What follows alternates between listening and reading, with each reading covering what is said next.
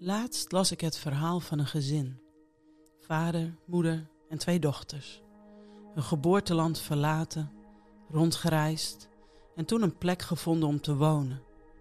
Een huis in een stad vol leven, waar je werk kan vinden, waar ontwikkeling mogelijk is.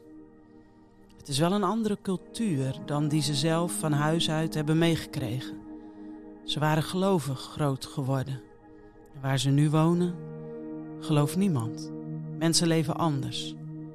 Maar goed, misschien kunnen ze een verschil maken in hun omgeving.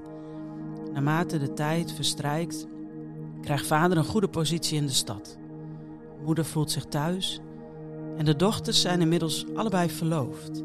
Het zou niet lang meer duren en dan krijgen ze hun eigen gezin, hun eigen toekomst. Het gaat goed, toch? Of eigenlijk niet. Op een dag staat vader samen met andere leiders van de stad en handelaars bij de stadspoort als hij een paar mannen aan ziet komen. Hij spreekt ze aan. Had hij door wie ze waren? Deed hun kleding hem denken aan waar hij zelf vandaan kwam?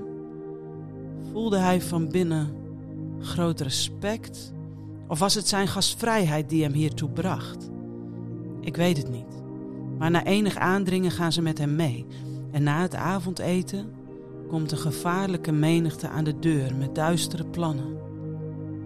Vader denkt ze wel op andere gedachten te kunnen brengen. Hij praat als brugman. Hij probeert zelfs een merkwaardig compromis te sluiten. Niks lukt.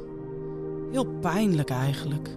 Waar hij dacht een gewaardeerde belangrijke burger te zijn, hoort hij opeens weer die woorden: Hallo, komt die vreemdeling ons hier de les lezen? De mannen in het huis moeten ingrijpen. Ze trekken vader zijn eigen woning weer in, snel de deur dicht. En dan verblinden ze de mensen. Een wonder van redding. En toch overheerst de paniek. Deze stad zal door God vernietigd worden. Jullie moeten vluchten. Wie hoort er allemaal bij jullie? Uh, nou, uh, wij en onze schoonzoons. Vader probeert ze over te halen. Kom met ons mee. Maar ze nemen hem helemaal niet serieus. Ze geloven er niks van. Heel pijnlijk eigenlijk. Ook dit was niet wat het leek of wat ze hoopten dat het zou zijn. Alleen vader, moeder en de jonge vrouwen zijn nog over. Ze lijken in shock. Vroeg in de ochtend moeten de mannen, die eigenlijk engelen zijn, Lot en zijn gezin, want dit is hun verhaal, weer aansporen. Toe nou, kom nou. En Lot aarzelde staat er.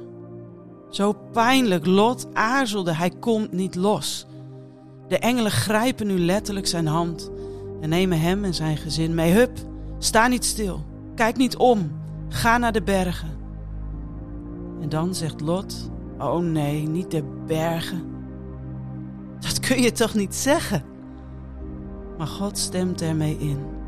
Wil je dan niet gered worden? Zit je dan zo vast? Ja, je gelooft. Maar tegelijk ben je ook zo verdeeld. Petrus schrijft in zijn brief mooie woorden over Lot en zijn hartshouding. Maar tegelijk, lieve Lot, vrouw en dochters, jullie zijn zo vast komen te zitten aan de wereld waarin je leeft, dat wanneer God je wil redden, Hij op vele manieren tot het uiterste moet gaan. Ja, daar denk ik dan over na. Want hoe vast zit ik? Hoe vast zitten wij soms? En waaraan eigenlijk? Allemaal? Bewegen wij met God mee, zoals Abraham, de oom van Lot, dat deed? Of zijn we net als Lot en zijn gezin, ergens ongemerkt door de tijd heen afgedwaald en vastgeraakt? O Vader, leer ons toch uw weg met heel ons hart te volgen.